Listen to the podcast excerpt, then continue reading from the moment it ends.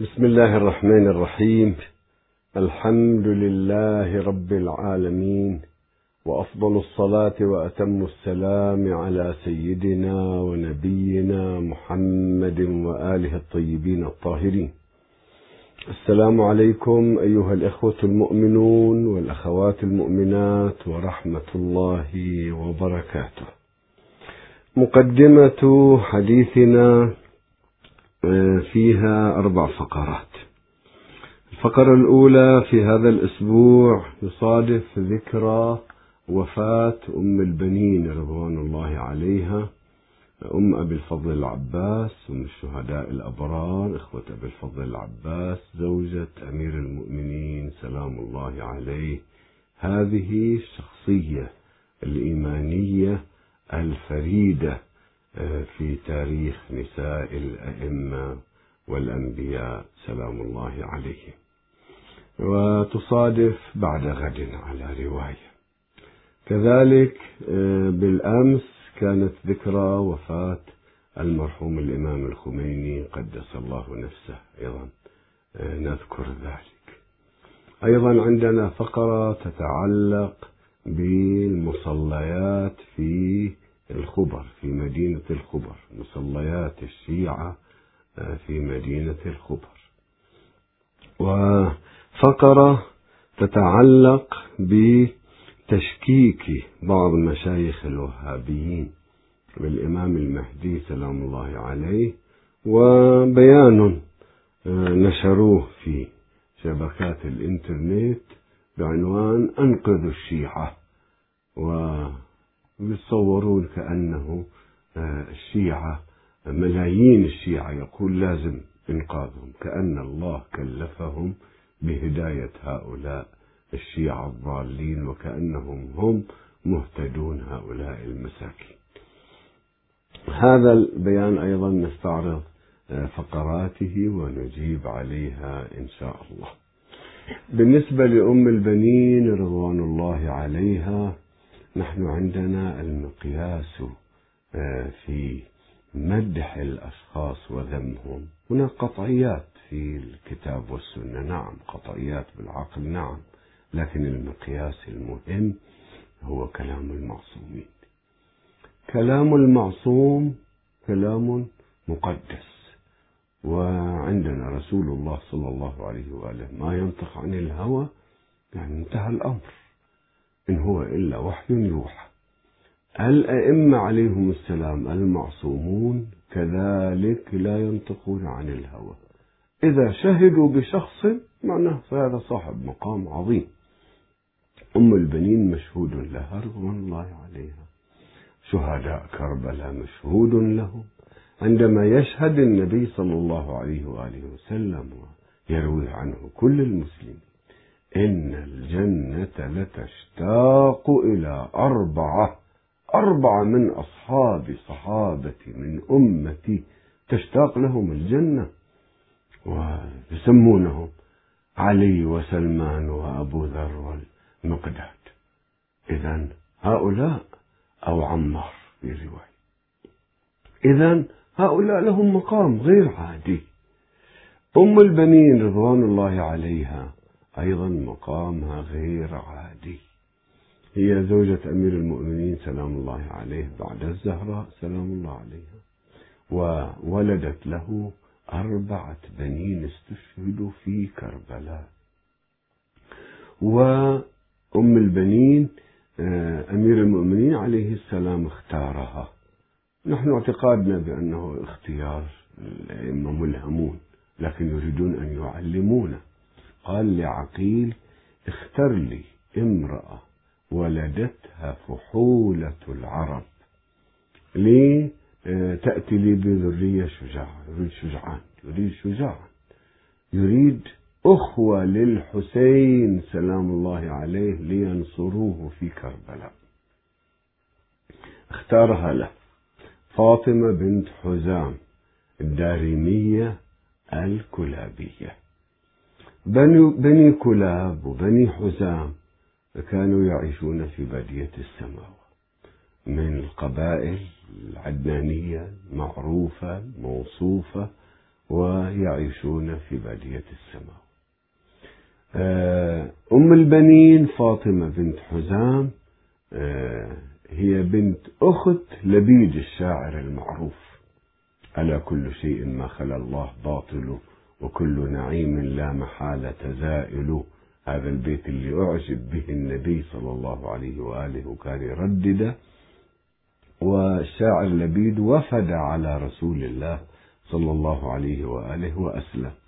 بنت أخوه وإذا هي من قبيلة عربية أصيلة من السماوة. بنت أخو الشاعر لبيد وشخصيتها المميزة.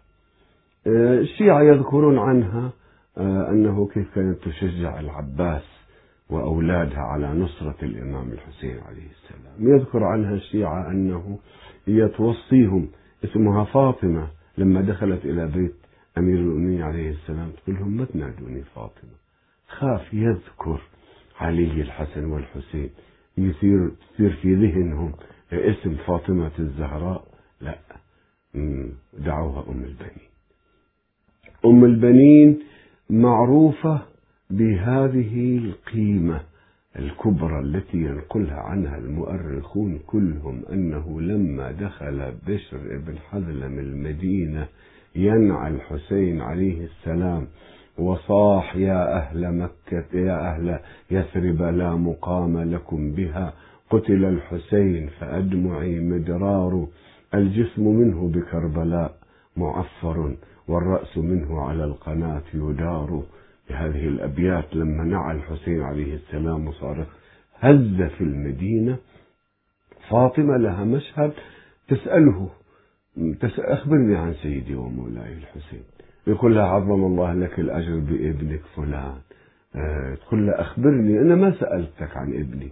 لما عزاها بأولادها واحد واحد لما عزاها بالعباس تقول له يا هذا لقد قطعت نياط قلبي. أنا ما سألتك عن العباس سألتك عن سيدي ومولاي الحسين. قال لها عظم الله أجرك بالحسين.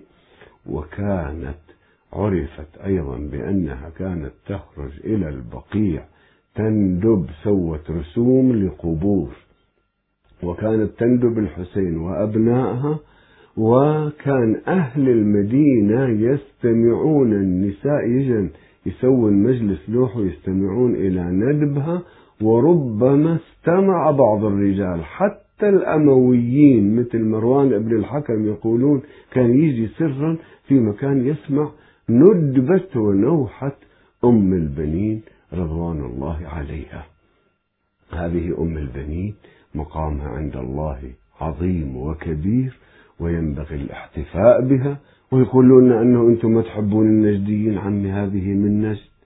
آه، سليم ابن قيس الهلالي هذا الشاب أول مؤلف من غير المعصومين في الإسلام وكتاب سليم المعروف حوالي 200 صفحة عن مجريات الأحداث في وفاة النبي صلى الله عليه وآله وبعدها دونها وسجلها وإحنا نعتقد بأنه هو أصدق من ابن هشام وابن إسحاق وغيرهم اللي كتبوا السيرة.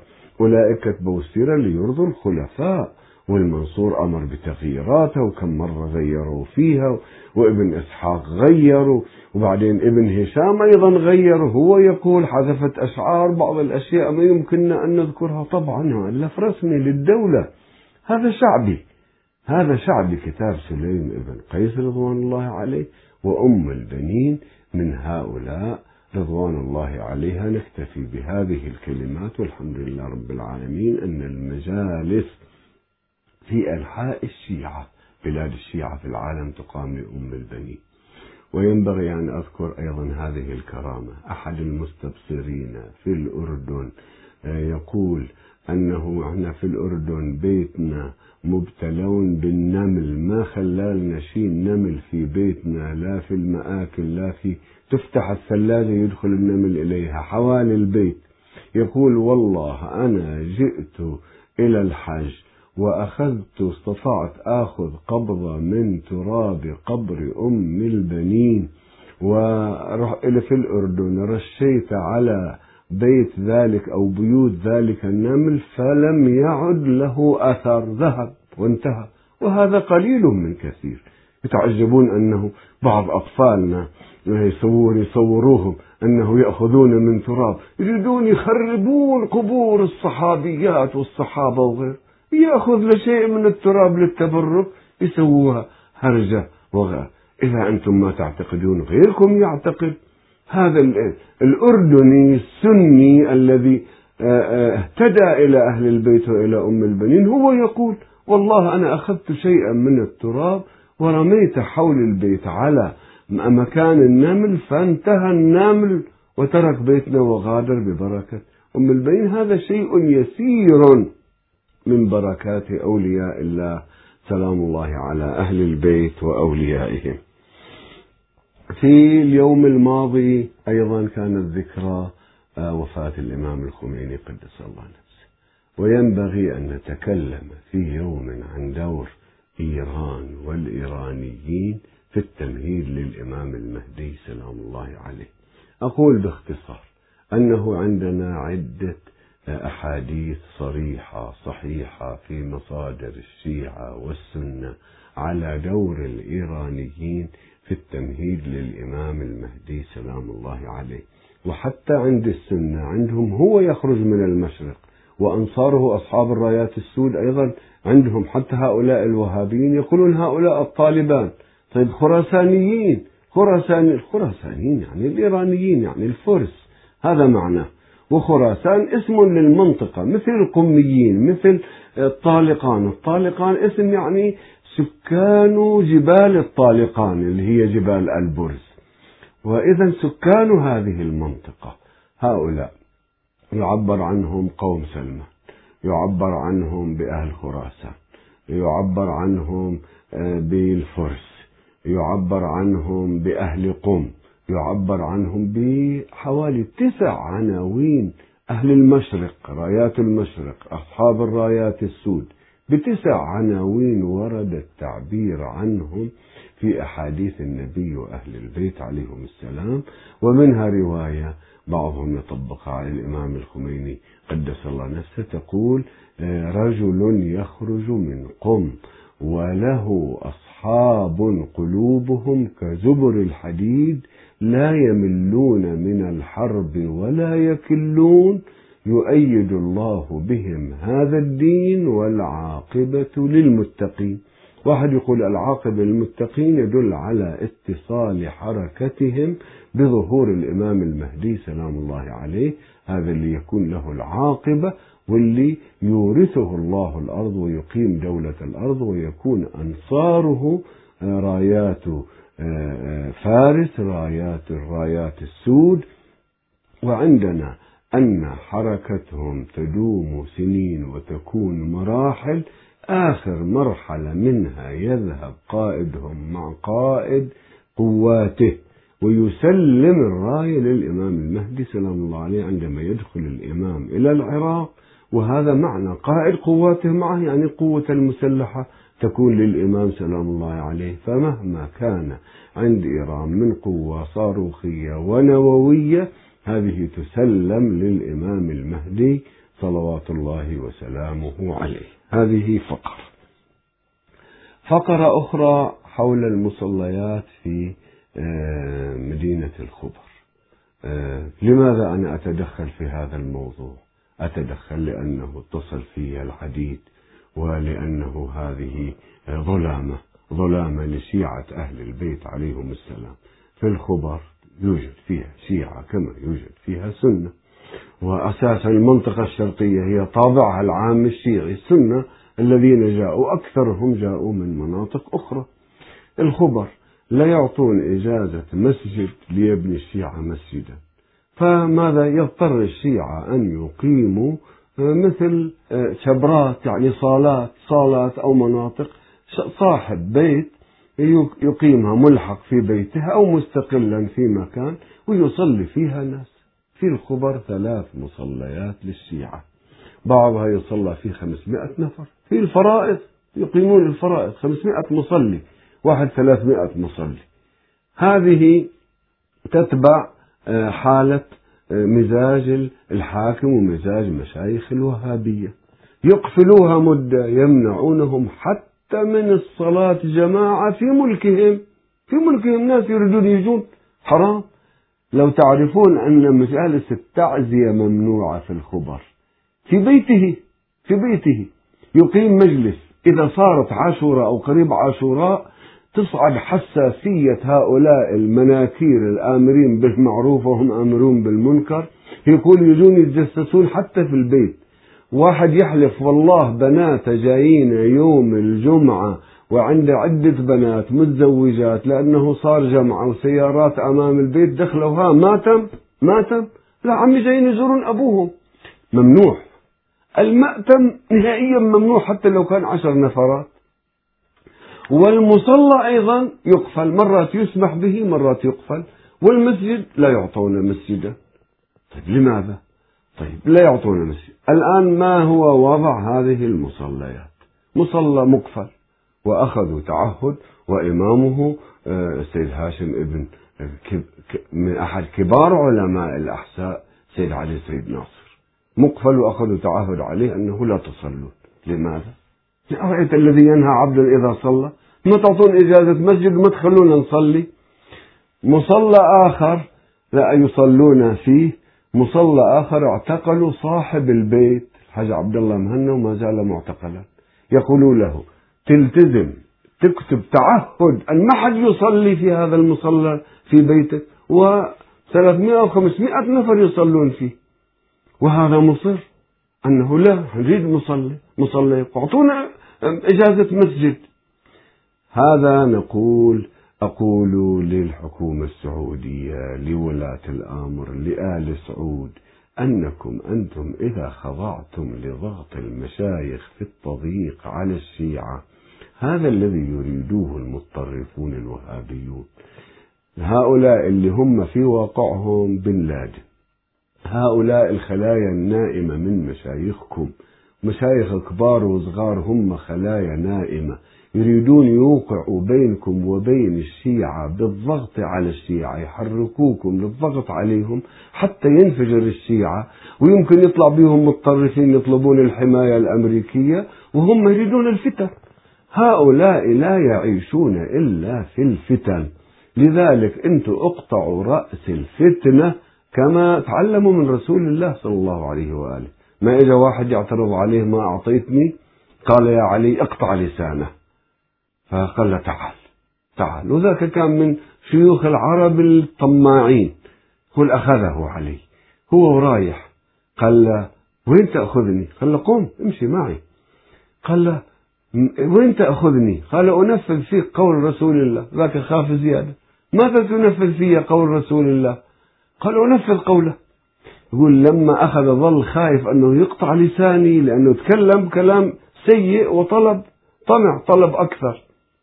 يقول لما دخل يمكن عيينة ابن حصن كان رئيس نجد هوازن. يقول لما دخل إلى حظائر الجمال قال أعطوه مئة ناقة اقطع لسانه.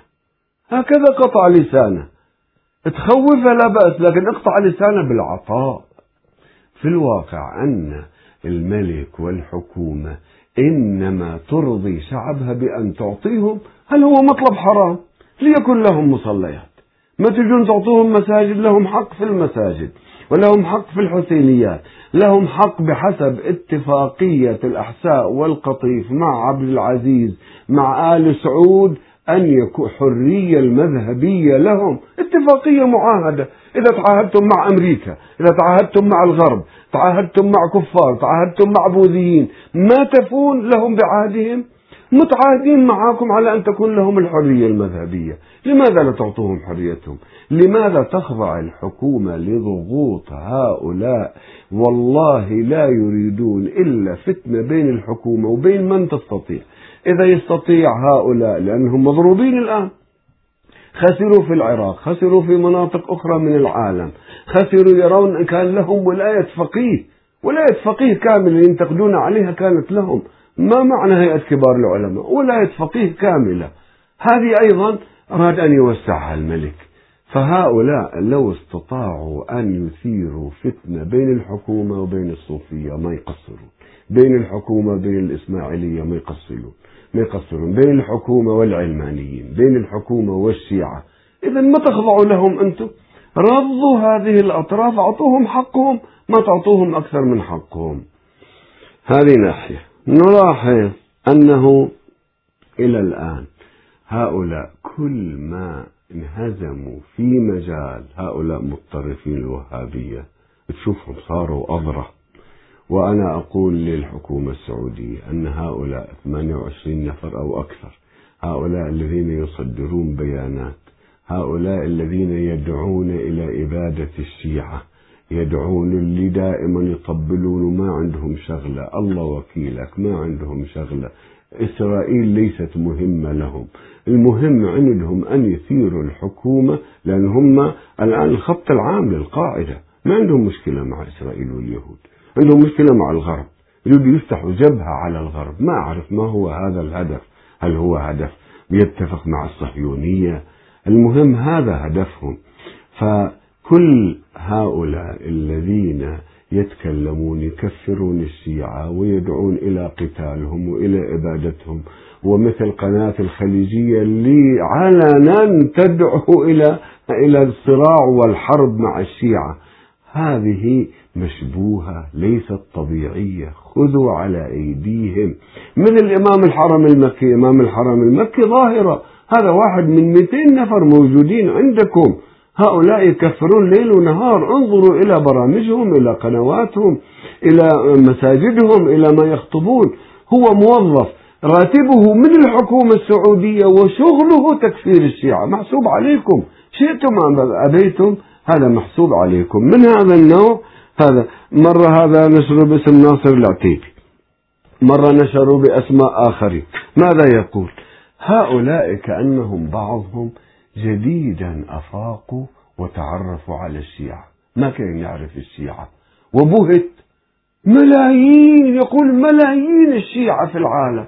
واحد يقول يا أهل السنة أدركوا شبابكم السنة تشيعوا. ما ما الكلام؟ الناس خلي يختارون المذهب اللي يريدونه.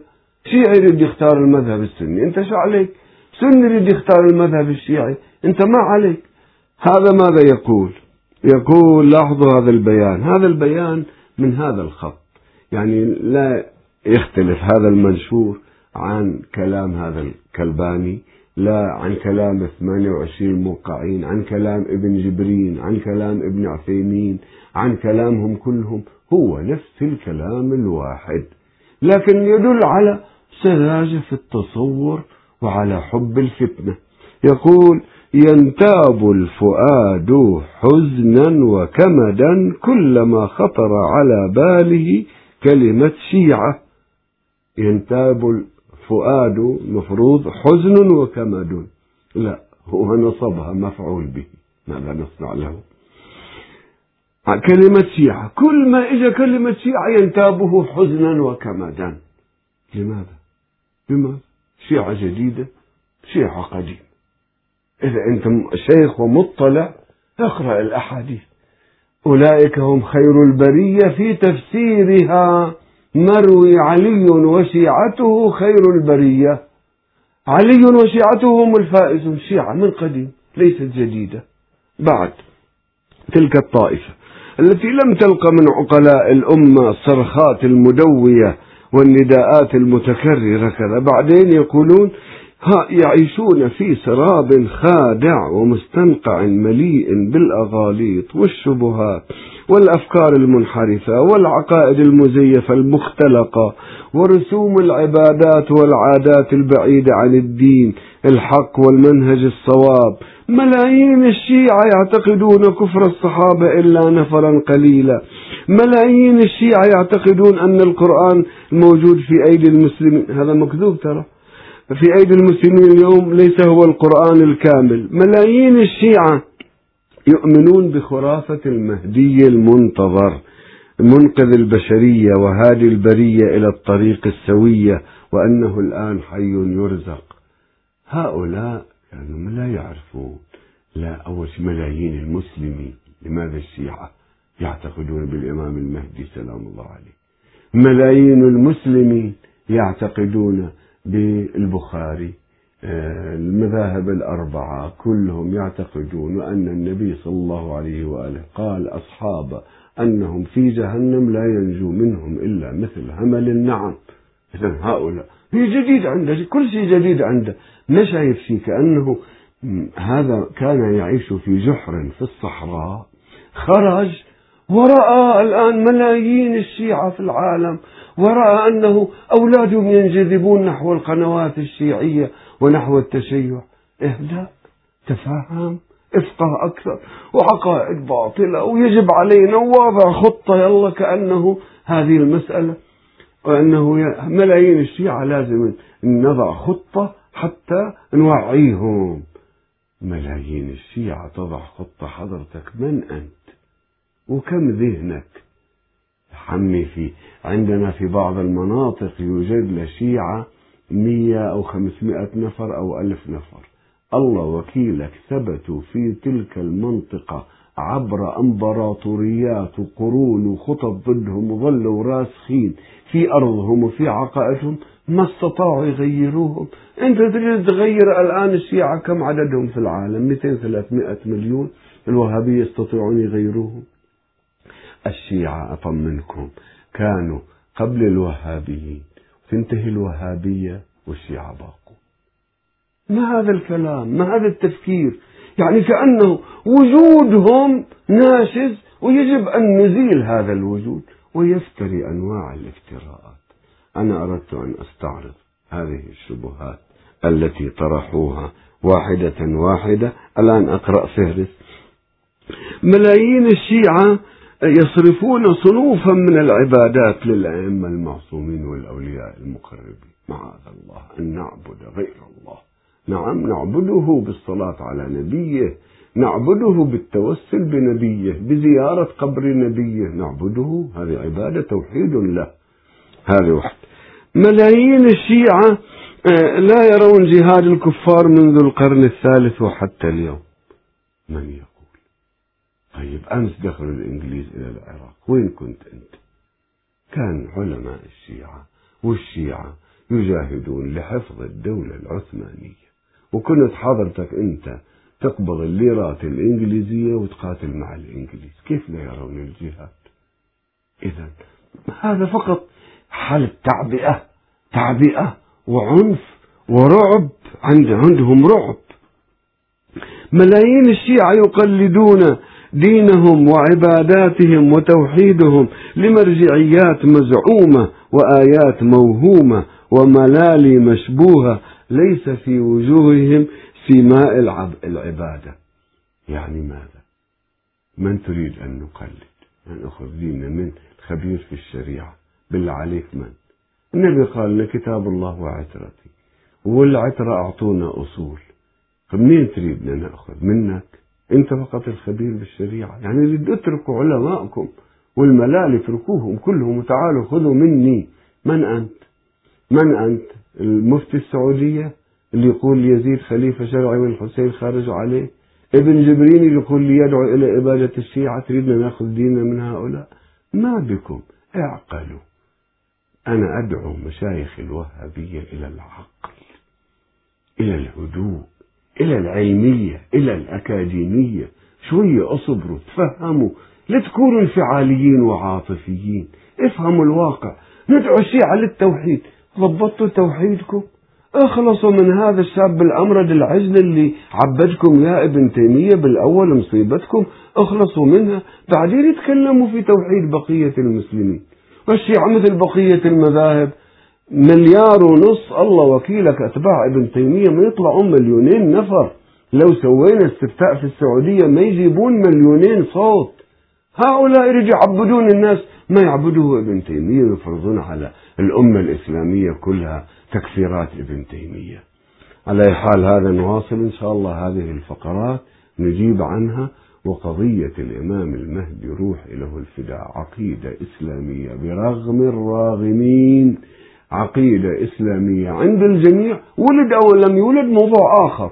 أن النبي بشر بهذا الإمام روحي له الفداء من ذرية علي وفاطمة ومنصوص عليه وغصبا عليكم لا ابن باز يقبل. عبد المحسن العباد عنده كتاب عقيدة أهل السنة والأثر في الإمام المهدي المنتظر. ماذا تقول خرافة؟ حقيقة واقعة الأمة تسير إلى لقاء قائدها والله مدخر المسيح في السماء ليتعاونوا ويقيموا دولة العدل الإلهي. ماذا تقصد؟ ماذا تخرف؟